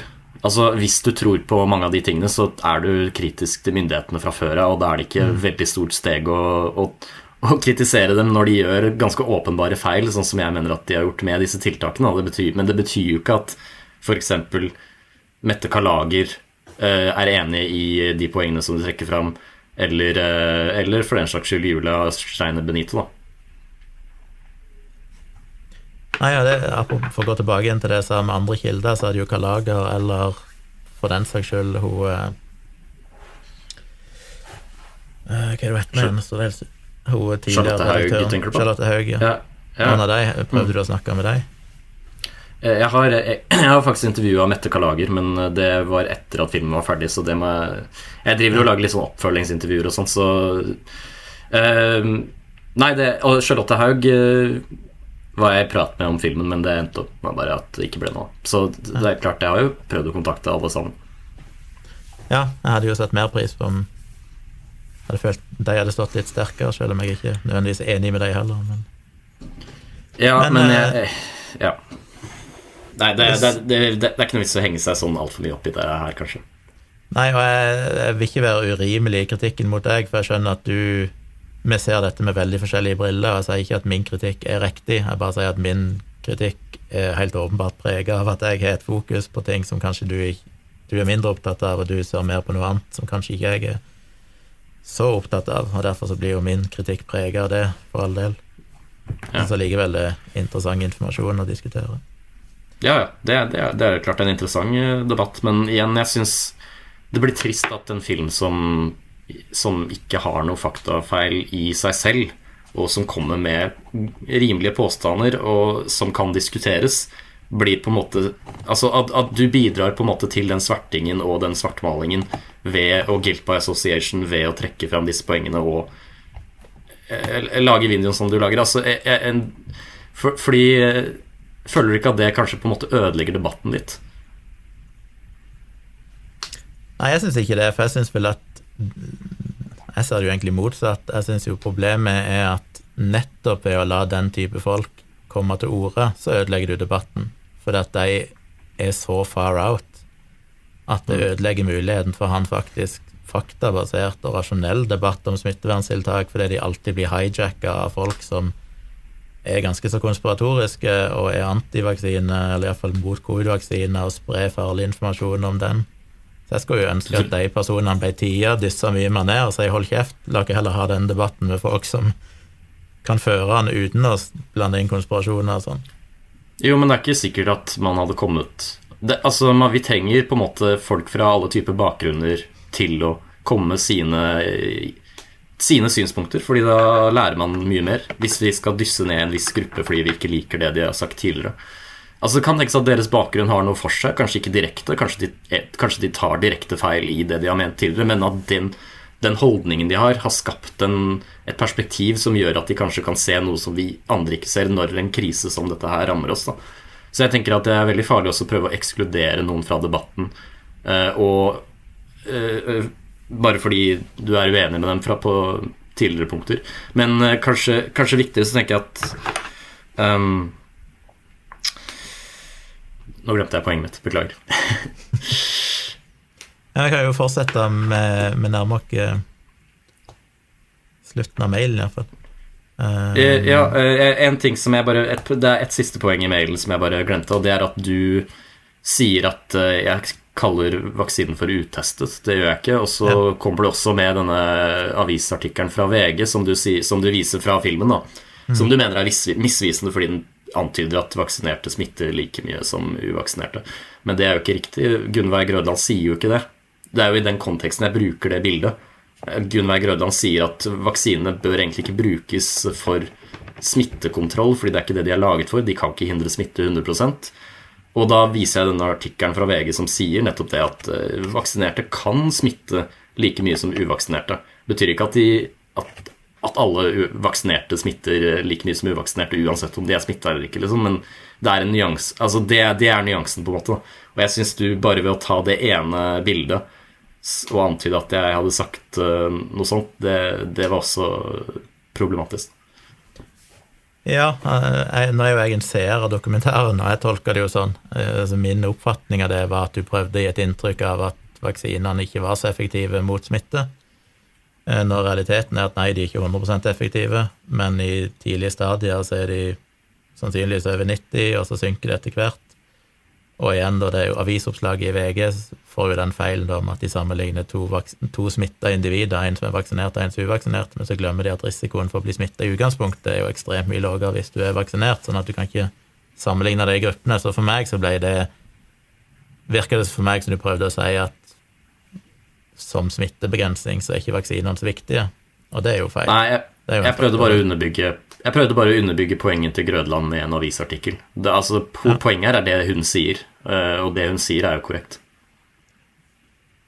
Um, altså, i det punktet før, da du snakker om uh, utesta vaksiner mm. ja. Jeg husker ikke helt om det i det hele tatt ble sagt, eller om det er bare en overreaksjon for meg. Fordi Nei, det, de har sagt det på nettet, men uh, Det jeg sier i filmen, er at uh, prat om koronasertifikat i media kan være med på å skape press for ikke-utsatte grupper å ta vaksinen før den er blitt testet over lengre tid. Ja. Det, var, altså det, altså det, er veldig viktig at vi, bruk, at vi velger ordene Altså at vi gjengir ordene korrekt, fordi det betyr jo ikke at den er utestet. Uh, altså men igjen, det er det derre Altså med langtidsvirkninger at, som bør tas inn i beregningen når man vurderer om man skal ta vaksinen, så klart. da. Og hvis man ikke er i en risikogruppe, så er det spørsmålet vanskeligere enn hvis du er det. Det er på en måte bare og, og igjen, når du introduserer koronasertifikat, så blir det spørsmålet vanskeligere for de som egentlig bare skal ta en rent medisinsk avgjørelse. Fordi du begynner å måtte tenke på sånne ting som kan jeg reise kan jeg, kan jeg gå på Tool-konsert, ikke sant? Mm. så ja.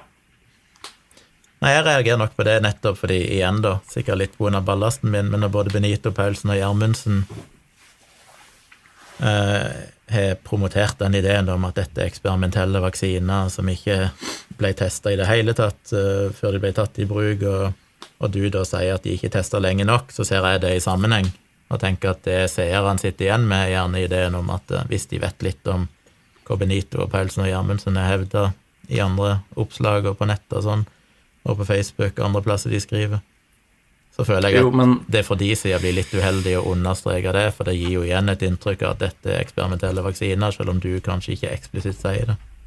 Jo, men du har jo også andre intervjuobjekter i filmen, sånn som deg og Andreas Lind og, eh, og Hilde Myhren og, og, sånn, og de mener jo det stikk motsatte av eh, det du mener at Benito og uh, Gjermundsen og co. Sier. Så da kan man jo få inntrykk av det motsatte, holdt jeg på å si. altså, hvis man skal begynne å ta opp hmm? Nei, nei, nei, bare for, vær så god. Ja, nei, Det er mulig igjen at det er en overreaksjon for meg. Jeg bare er veldig var på at jeg syns vi skal være forsiktige i å spre frykt rundt vaksinene. Og det å bruke et begrep som at de ikke er testa lenge nok, er jo feil, fordi at de er jo testa akkurat like mye som andre vaksiner før de ble tatt i bruk. Um, ikke like lenge som andre vaksiner, da. Nei, men de har den samme fase tre-studien som ligger til grunn, uh, og de har blitt testa siden basically ja, 2008 eller sånt, det de ville begynt å teste, mens de spesifikke covid-vaksinene ble jo da testa i disse store randomiserte studiene eh, før de ble godkjent. Så det er litt sånn Ja, pluss at på det tidspunktet, som jeg sier, at når du lagde dokumentaren din, så var jo allerede mange hundre millioner mennesker vaksinert og alt det der, og vi hadde ikke sett noen stor økning i noen bivirkninger eller noe sånt, så det blir litt sånn fearmongering, syns jeg, å liksom understreke det med at de ikke er testa lenge nok. For da kan en jo alltid spørre ja, hvor lenge skulle de vært testa? Jeg mener, disse folkene Folk som har denne, den argumentasjonen, vil jo si det samme om MMR-vaksinen eller HPV-vaksinen. Og det er sånn, ja, men hvor lenge skal du teste de? Er ikke 10 år nok? Ikke 20 år nok? Skal du teste de i 50 år før du sier at du føler deg trygg? Standarden er vel eh, mellom 10 og 20 år, ifølge WHO, eh, sist jeg sjekka. For standarden for å teste vaksiner, men utviklingen tar gjerne så lang tid, og det har han jo egentlig gjort med mRNA-vaksinene. Den ble jo påbegynt på 80-tallet teknisk sett, og så starta de vel skikkelig sånn 2008-2009 eller noe sånt. Mm. Så ja, det er et jo, interessant poeng. Det blir jo veldig underkommunisert det med at det faktisk er en lang historikk med disse vaksinene, selv om, først, selv om covid-vaksinene er de første som ble godkjent for mennesker. jo, men, allerede, men, men så sent som 2019 så sa jo f.eks. Biontech at det var eh, stor regulatorisk risiko involvert med denne teknologien. Så, mm. Og det kan godt tenkes at de problemene ble løst i løpet av den korte tida fram til vaksinene kom ut. Jeg, jeg, skal ikke bestride det, men jeg skjønner at folk eh, er eh, usikre på langtidsvirkninger, og jeg tenker at det må tas inn i beregningen da, når man vurderer sin egen risiko. Og jeg syns i hvert fall ikke man skal begynne å trekke inn sånne ikke-medisinske faktorer som reising, og dette vet jeg jo at du er enig i, ikke sant, vaksinepass og sånn. Det er problematisk, og det var poenget med ut, utsagnet. Uh, nå er det ikke det direkte relatert til dokumentæren, men det må bare nevnes at jeg tror mange av de her folkene som kritiserer vaksinene for å være eksperimentelle og sånn, har en tendens til å glemme at mange vaksiner ble faktisk ikke godkjent. Jeg tror de har en idé om at alle vaksinene ble bare godkjent og kjør på, liksom, men så glemmer de at det var jo faktisk en del vaksiner som ikke lyktes i disse testene fordi de enten hadde for mye bivirkninger eller viser seg å ikke beskytte mot, mot covid-sykdom. Så det at disse vaksinene faktisk ble godkjent, betyr jo at de gikk gjennom de testene som faktisk er nødvendige. Um, ja, jeg, jeg, jeg, jeg, er jo ikke enig med de som sier at disse vaksinene er dritfarlige og de har drept jævlig mange mennesker, fordi da Altså, da, da, da, virker det veldig rart at det er vaksiner som har blitt trukket fra markedet nettopp pga. det, liksom. Men, men jeg, altså, jeg veit ikke, men det, det, jeg syns det er veldig rart, da. Mm. For jeg tror jeg var gjennom de poengene. Det eneste jeg kunne tenkt meg å nevne, som var en av de tingene som jo overraska meg mest, og som du har vært litt innom, det er jo nettopp han Reinhard Fuglmich, Fuglmich. Mm. Som jeg syns var litt rart at uh, hun fikk bruke det som et argument. En av de lengre uttalelsene som kom ifra Var det Benito, Schreiner Benito som sa det? Jeg husker ikke helt. Ja. Eh, der det blir brukt som et argument for å understreke at dette er jo faktisk et overgrep. Bare se, nå er det et søksmål, rettssakprogram, det er Nürnberg-prosess på nytt, alt dette her. Og så er jo dette noe som aldri er skjedd, og alle som følger med, sier at dette bare er vårs, og dette er jo egentlig bare en scam for at han skal samle inn masse penger, og han har fått masse støtte. Men fortsatt så blir det jo ingenting av det, og det er jo ikke noe grunnlag for det. Men det er da jeg blir litt sjokkert over at du bare slipper gjennom den uten å enten kommentere det sjøl eller få noen andre til å si at dette faktisk ikke henger på greip. Det ikke det er, ikke, det er ikke enighet om at det er en scam. Hvis du leser Vice sin artikkel om Reiner Fulmis, som kom ganske sent eh, etter at filmen min var ferdig, tror jeg, så, sier, så spør de om en kollega han som kjenner han, men er uenig med budskapet hans. Tror du han mener det han sier, eller tror du han bare gjør dette for å tjene penger? Og da sier han at nei, nei, det er ikke Han mener det helt klart. Han tror på dette her. Dette, dette, dette, er, dette er, sånn han er, liksom. Uh, og jeg er dypt uenig med han, men altså, det er ingen tvil om at han tror på det han sier. Så om det er en scam eller ikke, det er jo det har vært å diskutere, da. Men den diskusjonen har jo egentlig ikke blitt tatt. Den har, eh, Faktisk.no har jo bare fokusert på dette Facebook-innlegget som Reiner Fuglmich selv sier at det er desinformasjon. Ja, men det underliggende, eller det overordna poenget likevel med at de fører en rettssak som de vel nå er Nå har ikke jeg fulgt den saken veldig tett, men jeg innbiller meg, og jeg har sett flere poster der de sier at den og den datoen, og så starter rettssaken, og så skjer det jo aldri. Det blir jo aldri noen rettssak, og det ser ikke ut til å være alle jurister jeg har sett intervjuer på faktisk.no, og sånn mener at dette er det ikke noe belegg for.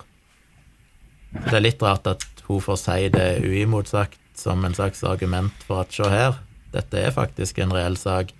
Fordi han var jo involvert i denne hva var det, BMW-utslippsskandalen. Volkswagen. Mm. Volkswagen. Og dermed er han en autoritet som jeg må høre på. Så jeg bare følte han, at det var så kjent på det tidspunktet du lagde det intervjuet eller den dokumentaren, at dette er jo en sånn typisk konspiratorisk idé som noen få mennesker tror på, men som det er ikke er noe belegg for, og så slapp det rett igjennom uimotsagt. Nei, men det er mye feilinformasjon rundt Reiner Fuglmistad. Og den, det har jo han skrevet i eh, Jeg følger jo telegrammen hans bare mens jeg lagde filmen, og der skriver han jo at denne påstanden om at det er 1000 advokater og 10 000 leger som saksøker WHO 18.07.2020, eller hva det er, altså det er jo desinformasjon, og det er det ikke vi som har skrevet. Så det er det første poenget. Det andre poenget er at eh, Julia sier jo ikke at Se her, dette er et argument for at dette er forbrytelse mot menneskeheten. Det er bare Hun sier at disse påstandene fremlegges av en autoritet innen juss.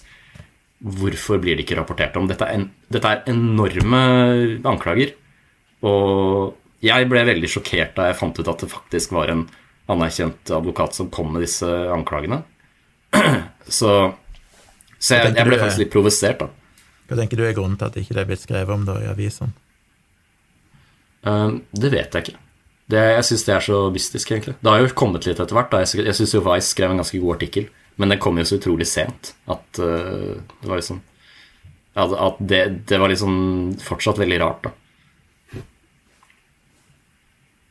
Ja, det jeg sier i min kritiske video, er vel bare at så lenge det ikke finnes noen dekning for at dette er ja, At det er noe hold i selve søksmålet og sånn, så skjønner jeg godt at norske aviser ikke skriver om det. Fordi det ser ikke et sånn jeg oppfatter det, så ser det ikke veldig seriøst ut, men uh. Ja, men det er jo veldig mange advokater som er enige med at det fins hold i uh, argumentene. Altså, du har jo uh, Jon Christian Elden, du har Helge Morseth, du har Hans Petter Graver. Altså, det er jo problematiske aspekter ved håndteringen, og de drar det jo så klart ikke så langt som Reiner Fuglmich gjør, da, men å si at det er absolutt null poeng i å føre en sånn rettssak, eller å føre sånne rettssaker. Det er jo egentlig flere rettssaker han fører. Uh, det det, det syns jeg blir eh, feil. Altså, det er, det er, en reell diskusjon som må tas på jussen her. Det, er, det, oppfatter jeg. Jeg har jo prata med flere av disse advokatene, og eh, i hvert fall en av dem har jo direkte kontakt med Fuglebich sitt eh, team. Så, så, jeg oppfatter ikke at det er noe som bare kan avfeies fullstendig uten at det blir tatt noe som helst diskusjon i media, liksom. Jeg tror ikke den diskusjonen blir tatt da, nettopp med de folkene. Nå skal jeg innrømme at det ikke jeg har oversikten over, men jeg tenker jo at det er vel det som er litt av poenget, da, at de folkene som har den litt mer nøkterne og rasjonelle tilnærmingen til det, de faktisk får uttale seg. Jeg mener, Det er jo ikke som at det har vært mangel på diskusjon om smitteverntiltak og folk som har vært kritiske og sånn, men grunnen til at de ikke trekker fram Fuelmich, er nettopp fordi at han trekker det så altfor langt. Ja, men det er nettopp det er nettopp det som overrasker meg litt, da, fordi som du også har skrevet en del om i en av bøkene dine, så er jo media veldig glad i å trekke fram det som nettopp er veldig ekstremt. da. De tingene som er veldig oppsiktsvekkende. Og om ikke dette her med Reiner Fulmich er oppsiktsvekkende, så vet jeg ikke hva, hva er, på en måte. da. Nei, jeg vet ikke hvorfor ikke de har skrevet om han. Jeg bare tenker at for meg så er jo det en sånn Det er mulig jeg tar feil, for jeg har ikke fulgt den saken godt nok men ut ifra det jeg har lest uh, på faktisk.no og andre mer kritiske røster, så minner det meg veldig fort om sånn Ja, la oss si du har disse folkene som mener at virus ikke eksisterer i det hele tatt, at det er bare en myte. Og så har de et annet søksmål der noen skal bevise at virus faktisk fins. Så blir ikke det omtalt i media, for det er sånn nei, selvfølgelig skal ikke det omtales i media, for det er en eller annen ko-ko fyr som har en forskrudd idé om et eller annet, og det er ikke noe vi trenger å, å bruke spalteplass på. Så jeg liksom plasserte han litt der, da, at det, dette Men- så ekstremt at det er ikke noe vi egentlig trenger å skrive om. Det interessante med Reine Fulmich er at hans poeng er jo ikke at viruset ikke eksisterer. Hans poeng er at PCR-testen eh, ikke er eh, på en måte fit for purpose. Da. Og det kan man jo diskutere. Eh, jeg kommer egentlig fram til at jeg tror han tar feil der. Med, da jeg prata med Andreas Lind, som er mikrobiolog, overlege på mikrobiologisk avdeling. Men eh, han har jo, det har jo vært rettssaker eh, på dette poenget som har blitt vunnet, altså der det har blitt fastslått at PCR-testen er faktisk ikke god nok til å kunne innføre strenge tiltak inn i, eller inngrep da, inn i folks uh, liv. Uh, det er en rettssak i Portugal eh, for, for eh, halvannet år siden ca. som kom fram til nettopp dette her. da. Og Jeg vet ikke om han var involvert i den, men han trekker den iallfall fram som et eksempel da, på at dette er noe som faktisk må diskuteres. Ja, jeg er jo ikke en, jeg, jeg har vel skrevet om den rettssaken i Portugal i en av mine bloggposter i høst. Og Nå husker jeg ikke helt detaljene, men det jeg vet, er jo at et samla fagmiljø i Portugal gikk ut og kritiserte den dommen. Og det blir jo litt som Det er jo det en av de der farlige tingene med å avgjøre vitenskapelige spørsmål i rettssalen, for det er jo ikke rette plassen å gjøre det. Eh, sammen har sett med spørsmål om eh, glyfosat fører til kreft, eller om eh, ja, blir avgjort i rettssalen, og så strider de mot alt av vitenskapelig evidens. Så det er jo det samme med den PCR-saken òg. Det er sånn Dette er ikke ting vi egentlig bør avgjøre i rettssalen, for i rettssalen så forholder de seg ikke til en vitenskapelig standard på den samme måten. Nei, nei, det kan godt tenkes. Men, eh, men det blir jo likevel gjort i rettssaler. Uh, altså, vitenskapelige spørsmål blir jo Det er veldig populært blant folk som er antivitenskapelige, for hvis jeg kan slå i bordet med at se her, i Italia så vant de en rettssak, ergo så er nå aspartam livsfarlig, eller whatever, selv om det strider mot alt av vitenskapelig evidens, så er det fryktelig ødeleggende for debatten. Men det er for så vidt Ja. et sidespor. ja, men det er jo ikke bare den vitenskapelige debatten som tas, da. det er også den politiske og den eh, moralske helhetsvurderingen av tiltakene osv. Og, så og det, der er jo jussen bedre Ja. plassert for å avgjøre nettopp den type problematikk. Da. Jeg tror ikke jeg hadde noe flere poeng enn når du savner, som jeg burde snakke om. Uh, nei altså, Eller jo, jeg har én liten ting. Jeg er litt frista til å trekke det fram. Uh, jeg mener ikke å trekke fram fortiden din, men jeg så en artikkel uh, fra 2016 der du sa at du mente at det var, det var kontrovers, da, men eh, jeg, jeg er for ganske enig med deg. At du sa at eh, det er på en måte et godt tegn at vi har eh, eh, terror i samfunnet, fordi det betyr på en måte at vi er et fritt samfunn hvor nettopp det kan skje. da. Og jeg tror det på en måte er hovedpoenget i filmen min òg, til en viss grad, er at eh, ja, det er ikke bra at virus kan smitte folk og drepe folk, men det er litt av prisen vi må betale for et fritt samfunn. Og hvis vi er for redde for å la det skje, så kan det tenkes at vi på en måte ofrer friheten vår. da. Eh, Så jeg bare lurer på om du syns at den sammenligningen er, eh, er, er, er, er, er, er, er god, da. Jeg sier vel det i slutten av videoen min, nå husker jeg ikke navnet hans, han som står i den her pelsjakka, Erlend Efsjid. ja. Mm. Eh, som eh, trekker fram det argumentet med at når folk Og det sier kanskje du òg i en voiceover, jeg husker ikke helt, men eh, når folk er, er utsatt for skremsel og frykt, så er det lettere å manipulere dem, eller lettere å få dem til å akseptere ting som de ikke ville akseptert i andre situasjoner. Og det sier jeg jo i videoen òg, jeg er helt enig, det er et legitimt poeng, og det er livsfarlig. Det er lett selvfølgelig for myndighetene å innføre urimelige tiltak i en situasjon der folk er holdt på å si, lamma av frykt, og så ikke trekker de tiltakene tilbake seinere. Det snakket jo meg og Dag òg om i en tidlig episode av Dialogisk, før vi slutta med Dialogisk. Eh, det var vel et intervju med han eh, ja, Jeg husker ikke om det var en eller annen forfatter som sa det samme, egentlig, at det var en sånn Og det er vel litt det som Snowden òg er inne på, dette med at en sånn creeping greie, at du begynner å innføre litt mer tiltak, litt mer tiltak, og så skal de alltid være midlertidige, men så er det en tendens til aldri forsvinne igjen etterpå. Så jeg er enig i den kritikken, i den, det faremomentet, da. Eh, Ja, og det er, jeg bare og det er ser vel ikke at det er tilfellet, da, men eh, Nei, det kan, det, det kan, man jo diskutere, men jeg føler at den, det utgangspunktet er ikke til stede når man debatterer. Altså, jeg ser ikke den problematikken på en måte bli reist så ofte, da. Og jeg tenker det er en av de aller viktigste, uh, viktigste debattene å ta når vi innfører sånne tiltak. Og jeg tenker at um, jeg, jeg, tenker at når vi har hatt når vi, når vi ser at tiltak som ikke hadde veldig god dokumentasjon, ble innført nærmest permanent for å hindre terror, så er man jo veldig redd for at noe, noe lignende skal skje igjen. da. Uh, så, så, jeg tenker at uh, noen folk tar, er opptatt av uh, viruset, sånn som Altså opptatt av skadene ved det, og det er absolutt viktig å ta opp, det òg. Men jeg tenker at man må, måte, man må, respektere at andre er kanskje mer opptatt av de demokratiske utfordringene. Istedenfor å avfeie det som konspiratorisk eller Eller, eller hva skal man si At de er høyreekstremister. Det blir liksom veldig lite fruktbart, da. Ja, nå vet jeg ikke om noen er kalt de høyreekstremister av den grunn, men uh, hvem, hvem, da, mener du? Hæ? Uh, nei, nei, men Det er jo nettopp de folka som reiser disse problemstillingene, sånn som Erlend Efskin, og sånn som er utsatt for den type sverting og scenenekt som, som, som jeg uh, syns er uh, bekymringsverdig. Jeg tror det er jo litt sånn farlig å Eller jeg vil, vil ta av, avstand fra ideen om at uh, Altså, det, det, som gjør den, det er litt som med rasismedebatten, ikke sant, at det er for lett å Noen misbruker rasismebegrepet og bruker det litt for lett, og så gjør det det umulig å bruke begrepet rasist når det faktisk er legitimt. Det er litt sånn her òg med konspirasjonsteori. Jeg vet at det, Og jeg skal ta selvkritikk på det, at eh, jeg kanskje òg er generalisert med å si vaksinemotstander når jeg egentlig burde sagt motstander av covid-vaksinen, eh, selv om jeg ikke har helt oversikten over hva syn de har på andre vaksiner.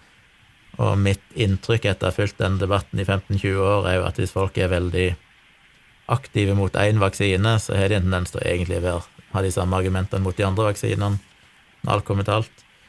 Men, eh, men, det kan jeg ikke dokumentere, så jeg skal si ja, covid-vaksine motstander, men poenget mitt er at det er lett å avfeie det med at ja, alle blir kalt for konspirasjonsteoretikere bare fordi de er motstandere eller kritiske til myndighetenes tiltak. Og det vil jeg ha meg frabedt. For at, iallfall for mitt, mitt perspektiv så har jeg kalt de konspiratoriske spesifikt fordi de faktisk sprer konspirasjonsteorier på nettet. Ikke fordi de er kritiske til myndighetene sine tiltak, for det syns jeg er en helt legitim debatt, og det er mange som er kritiske uten å være konspiratoriske. Hvordan definerer du konspirasjonsteori eh, i så fall?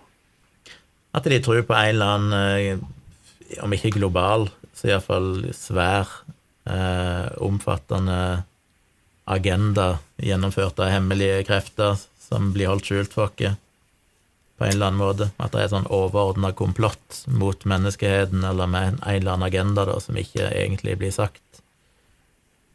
Ja, og, men det det, og det var ikke tilfellet under krigen mot terrorisme med innføringen av global overvåkning? Nå snakker jeg ikke om terrorisme, jeg snakker om uh... Nei, nei, men, men jeg, bare, jeg, bare, sier at, at det, Jeg er litt sånn usikker på hva, er, hva kan man kalle en konspirasjon? Det å innføre et hemmelig system som overvåker hver eneste innbygger i den vestlige verden det, det, det, altså, du, det er veldig lett å kalle det for konspirasjon. da Eh, men det trenger jo ikke å være det. Og på samme måte Nei, her, så Det er en av de tingene jeg faktisk har trukket fram sjøl, for jeg hadde en kompis som på slutten av 90-tallet snakket om Echelon, eller Ekkelon, eller hva det heter, som var sånn CIA som overvåka all internettrafikk og sånn. Jeg bare tenkte Jesus, han er jo helt paranoid, og dette er jo en konspirasjon. Og så viser jeg at det var jo faktisk sant. Så det var en av de tingene jeg sjøl har tatt selvkritikk på, at jeg òg nok for tidlig kalte en konspirasjon, og så viser det seg jo faktisk å være sant. Men jeg snakker jo spesifikt om de der Bill Gates-konspirasjonene eller depopulasjon eller vaksiner er designa for å gjøre oss syke eller drepe oss og alt dette her. Ja, men jeg, jeg, de jeg har intervjua i filmen, har ikke sagt det. Altså, altså de, de, de, har, de, har, kanskje spekulert det som en, så, som en mulighet, ikke sant? Det, det vet jeg ikke. Det, jeg, altså, jeg har jo ikke oversikt over hva de sier, men når jeg har prata med dem, så er det ikke det de sier. De, sier hva de syns er rart med tiltakene og, og, og problematiserer uh, forskjellige ting. Og så, altså, de er jo ikke i en posisjon til å vite hva som er sannheten. Så de kan jo bare, kan jo bare prate om det de vet. Så jeg, jeg, tror ikke noe Altså Hvis du virkelig trekker sånne bombastiske konklusjoner, da er du enten gæren, eller så må du sitte på noe informasjon som ingen av oss andre sitter på. Og det, jeg oppfatter ikke at det er der uh, de jeg har intervjua, står, da.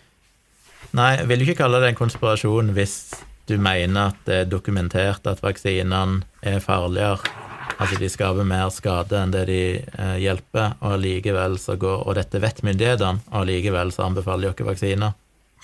Er ikke det definisjonen ja. av konspirasjon, det òg? Det, men det er, det er, jo like mye konspirasjon å hevde at myndighetene overvåker eh, hele den vestlige verden, sivile befolkningen, liksom. Altså, begge er jo konspirasjoner. Spørsmålet er bare er det, fins det bevis for dem.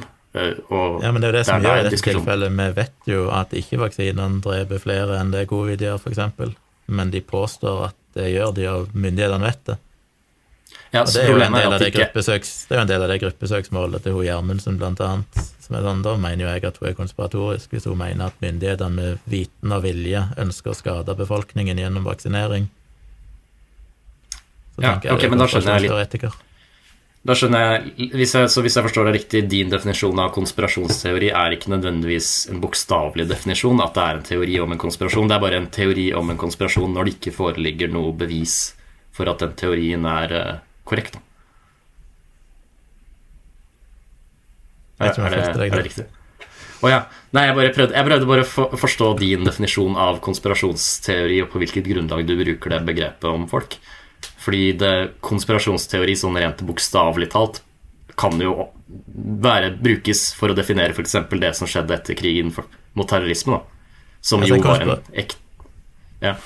Ja, altså En konspirasjonsteori er jo ikke noe som alltid er fiksjon. Det skjer jo konspirasjoner. Vi har jo avdekka mange politiske konspirasjoner opp gjennom historien, så jeg mener ikke at hvis du tror på en konspirasjonsteori, så er det per definisjon feil. For det er våre reelle konspirasjoner. Jeg bare sier at det å, å, bruke det som et argument mot vaksiner, det at det egentlig foregår en hemmelig agenda for å, å skade befolkningen, er konspiratorisk tankegang. Da er du en konspirasjonsteoretiker, altså en som lefler med konspirasjonsteorier som det ikke egentlig er belegg for. Ja, det, det høres jo det, hø det, høres jo mindre ut som et argument og mer ut som en konklusjon. Da. Så det er jo bare spørsmålet hvilke argumenter har du for å støtte under den konklusjonen. Og det er jo der det er viktig å ta en debatt. Da. For nett nettopp for å kunne avfeie en sånne type påstander hvis de viser seg å være usanne. Ja, men det er det jeg syns blir så lettvint, det der med hvor lenge skal vi ta den debatten. Disse tingene er jo Altså de påstandene de kommer med på frie mennesker, f.eks., er jo ikke ting som egentlig en Det er ikke en, en faglig debatt om det, dette er jo ting vi vet så skal du bare si at nei, men det kan jo alltid være at de tar feil, og vi får se om 10 år, og vi får se om 20 år, og så bare si at alt er like sant, for vi kan egentlig aldri bevise noen ting. Altså det er sånn, Nei, vi vet at vaksinene ikke dreper tusenvis av mennesker, vi vet at ikke de skader flere enn de redder. Da må vi jo kunne kalle en spare for en spare og si at hvis du promoterer den type ideer, og mener at myndighetene vet dette, og velger vaksiner likevel, så er du konspiratorisk i tankegangen, og kanskje ikke helt troverdig. Ja, jeg deler din irritasjon over at uh, det er så mye mange som tar feil, og det er så irriterende at man har debatter om ting som hvor det er, for meg i hvert fall, så åpenbart hva det, det korrekte er. Da. Men sånn er det jo på en måte å være i et samfunn og i et demokrati der ting debatteres hele tida. Og, mm. og, det er nettopp derfor jeg syns det blir så rart å lage et sånn kunstig skille da, mellom det som er akseptabelt å diskutere, selv om det er jo en fasit der òg. Det vil vi jo finne ut om mange, mange år, ikke sant, på en haug med temaer.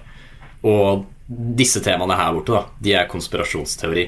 Og da er det ikke lov å ta feil. Hvis du tar feil, så har du ikke lov til å være med i den offentlige debatten. Det er, det, det er, på en måte sånn jeg, sånn jeg ser det lite grann. Ja, jeg bare tenker at det skader debatten. Det blir litt som jeg nevnte med ytringsfrihet, at det å ha en idé om at total ytringsfrihet gir mer ytring, ytringsrom, mener jo jeg er feil. Det har vi vel sett. F.eks. hvis du lar alle rasister herje fritt i et kommentarfelt, så vil det automatisk føre til at mange velger å ikke ytre seg.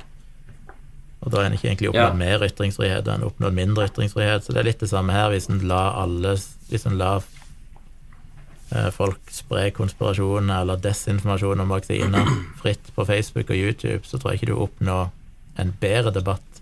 Du oppnår jo en dårligere debatt. Og Derfor tenker Ja. jeg en viss regulering må til for å nettopp fremme ytringsfrihet og nettopp fremme en konstruktiv debatt om viktige ting.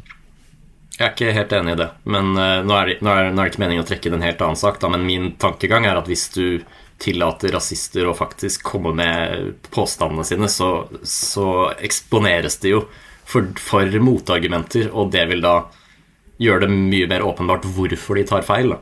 Istedenfor at vi bare dysser dem ned og undertrykker dem og på en måte bare skaper en sånn underkultur der de føler at de ikke At de har rett fordi de får, deres argumenter kommer ikke fram, og det må jo være en grunn til det, ikke sant? Så, så jeg er mye mer for den der frie utvekslingen av også hatefulle, hatefulle ideer. Da. Jeg var helt enig med deg helt fram til for omtrent to år siden, men så har jeg egentlig snudd litt der, for jeg har bare sett at eh, i realiteten så har jo ingenting av de her eh, Altså rasisme, konspirasjoner, antivaksine har jo egentlig bare økt og økt og økt. Den ideen om at vi må bare la de få snakke, så må vi møte de med motargumenter, så vil de komme og ta til vettet. Det funker jo ikke. Det blir jo bare mer og mer av det. Og da tenker jeg at Ja. vi må kanskje regulere det på et eller annet tidspunkt. Og igjen Ja, så er det ikke egentlig ytringsfrihet. Jeg mener ikke det skal være straffbart. Jeg mener bare at vi skal ikke nødvendigvis gjøre det for enkelt. Eh, Eller gi det en plattform, da, f.eks. gjennom Facebook og YouTube og sånn. Ja, jeg tror, jeg jeg tror det har veldig mye med de sosiale problemene som, eh, som på en måte har bare økt og økt i samfunnet vårt. At det er med på en måte Da øker også hatefulle ytringer og hatefullt tankegods. Jeg vet ikke om Jeg vet ikke om Jeg tror ikke det vil funke en, verken å ha et fritt eh, fritt samfunn eller et, et regulert samfunn. Jeg tror, ikke, jeg tror ikke du finner løsningen der, da. Men å ha et fritt samfunn er et gode i seg selv. Så jeg tenker at da er det viktigere å prioritere det og heller prøve å finne løsningene der hvor de faktisk eksisterer. Som er på mer av disse sosiale problemene. Som eh, underbygger, eller som, som på en måte er årsaken til at det finnes økende rasisme, økende vaksineskepsis osv. Da er vi kanskje i mål. ja, jeg tror det. Det ble jo en uh, diskusjon om litt av hvert. Jeg har dårlig samvittighet, for det er dere som ser på meg, så ser det ut som jeg sitter og ser i gulvet. Jeg har altså sittet og sett på skjermbildet her for å se på Iver mens han prater. Uh, og så oppdager jeg jo plutselig sånn for en 20 minutter siden at det logoet til Tomprat står rett over hodet ditt omtrent. Uh, det burde jeg jo kanskje ha fjerna. Ja, det, det ser ikke sånn ut her. Eller litt, Nei, for så vidt, men ikke Det er ikke bare litt ansiktet toppen, men det burde egentlig ha flytta det til midten, så det var ikke meninga at det skulle være klistra der. Jeg var bare litt for stressa med alt annet til å komme på at det måtte jeg fikse. Anyway, Ja, det tu, tusen takk for at du ble med. Jeg eh, ble definitivt uh, mer opplyst og skjønner litt mer ditt perspektiv på dette her, og jeg håper jo at det er nyttig for alle seerne, i lys av min kritikk og sånn, å få ditt perspektiv på dette. Ja, i like måte, Gunnar. Jeg, jeg, føler at, eh, jeg, føler, jeg føler det samme, at, jeg, at, vi, at vi forstår hverandre mye bedre etter denne samtalen. Så det setter jeg veldig pris på. Og det er viktig for meg når jeg retter kritikk, eh, ikke for å pat my own back, men helt genuint, så er det viktig for meg at hvis jeg kritiserer noen, så skal de selvfølgelig få lov å komme med et tilsvar eh, hvis de føler at det har vært urimelig fra min side. Så det har du fått, Ja. og da eh, håper jeg mange vil se denne debatten, og så er det lov å kommentere unna. Eh, det står jo en mailadresse her oppe, nå får jeg ikke pekt, for det er ikke på den delen av skjermen, men eh, under logoen så står det tompratpodkast.gmail.com. Det er lov å maile meg der hvis du har spørsmål. Har du, noe, du lyst til å dele noe eh, Twitter-handle eller e-mail eller et eller annet der de kan kontakte deg, eller? Um, ja, nei, det, altså Du finner meg på Facebook som Iver Nese, uh, Ja. med en tegneseriefigur uh, som profilbilde. Uh, jeg tror jeg er den eneste som heter det, så jeg tror ikke det skal være så vanskelig å ha tak i meg hvis, hvis man vil det. Nei. Så det er lov å sende mail eller kontakte han i sosiale medier hvis dere har tilbakemeldinger eller spørsmål, Ellers får dere bare skrive det i kommentarfeltet under her, så følger sikkert Iver litt med, han òg, på hva som måtte dukke opp. Ja. Jeg tror det var alt. Det var bare takke så mye for at du satt her i hva det, rundt halvannen time med satt og prata og fulgt med på dette, og veldig hyggelig om du gir denne videoen en liten like. Abonner gjerne på kanalen min, og hvis du syns det var interessant, så tips andre, tips venner og bekjente om at de kan ta en kikk på denne videoen her. og del den gjerne videre i sosiale medier sjøl. Og husk å sjekke ut eh, dokumentaren til Ivar og min kritikk, som er lenka under her. Så da, takk, Ivar. Takk til seerne. Vi høres igjen snart. Takk. And cut. Yes. Ja, Men det ble jo det bra. var eh, det ble, Ja, det ble bra. Da fikk vi vel eh, snakka gjennom det meste her. Jeg, som sagt, jeg er ikke helt Jeg får se. Jeg eh, Nå tror jeg ikke Ja, nå er det én seer inne. den store interessen eh, live. Men jeg kommer til å la den ligge lukka inne på Patron og sånn i noen dager, og så legger jeg den ut offentlig etterpå. Så kommer det vel som en podkastepisode òg, da. Ja, nei, men det er kult, da. Det er mulig det kommer som podkast først, for jeg får ikke spilt inn podkast nå. For jeg skal reise til Oslo, så det er mulig jeg bare slipper den nå på tirsdag istedenfor en vanlig podkast. Får se. Uansett, du ser når det kommer. Mm. Yes, da takker jeg deg. Og så får du ha en Ja. fortsatt god lørdag. Ja, du òg. Vi, vi snakkes sikkert. Greit. Ha det.